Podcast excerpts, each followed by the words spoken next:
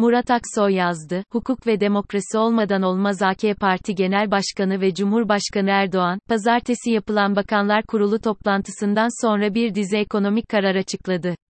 Bunlar içinde sürpriz olan ise vatandaşlara yönelik açıkladığı ve hedefi dövizden TL'ye dönmeyi teşvik eden döviz garantili mevduat önerisi oldu. Erdoğan'ın açıklamalarından sonra ekonomi bir gecede düzelmedi ama döviz fiyatlarında büyük bir düşüş yaşandı. Gerek dolar gerekse euroda yaşanan bu düşüşün Erdoğan'ın açıklamaları ile ilgili olmadığını son iki günde gerek politikyol.com'da gerekse farklı mecralarda kaleme alınan uzmanların yazılarından öğrendik.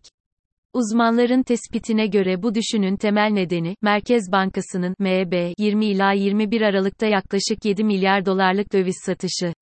Yine uzmanlar MB'nin 1 ila 21 Aralık tarihlerinde de piyasaya toplamda 17 milyar dolarlık döviz satıldığını paylaştılar.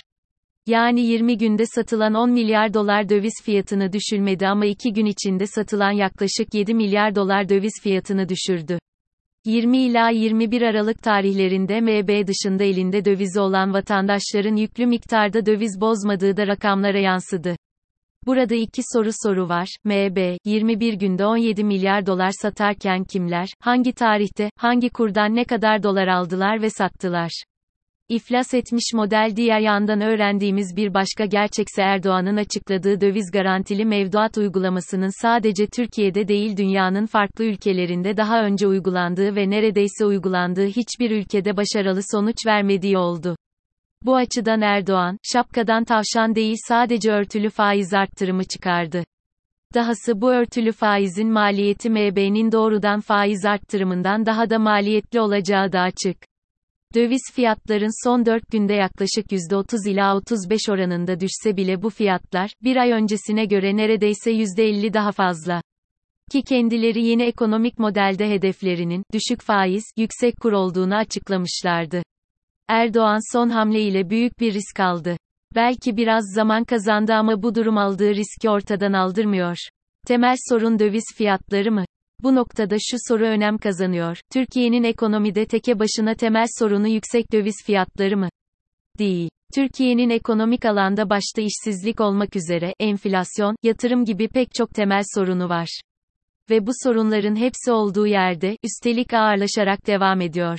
MB müdahalesiyle döviz kurlarının düşmesi, iktidar ve onlara yakın medya, yazarları tarafından bir zafer havası ile karşılansa da, ekonomideki sorunlar orta yerde duruyor ve ekonomide karşı karşıya olduğumuz tüm olumsuzluklar birer sonuç. Bu sonuçları ortaya çıkaran temel nedenler siyaseten ortak aklın devre dışı bırakılması, kendinden farklı düşünen, farklı siyaset öneren herkesi düşman, öteki, hain görülmesi ve bunun toplumu kutuplara ayırmak için irade olarak kullanılmasıdır. Bu demokrasi ve hukuktan uzaklaşılması, siyasetin alanının daraltılması, yeni siyasal sistemle de bunu keyfi hale getirilmesidir. Erdoğan'ın sık sık ifade ettiği enflasyonun yüksek faizin sonucu olduğu tezinden yol çıkarsak, Türkiye'nin içinde bulunduğu ekonomik siyasi krizin nedeni siyasi iktidarın yönetim anlayışı ve zihniyetidir.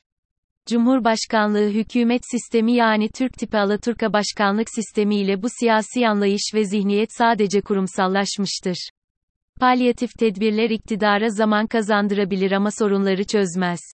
Özetle yaşadığımız sorunların kaynağı olan bu yönetim anlayışı ve zihniyet değişmediği sürece ekonomik ve siyasi krizden çıkış da mümkün olmayacaktır.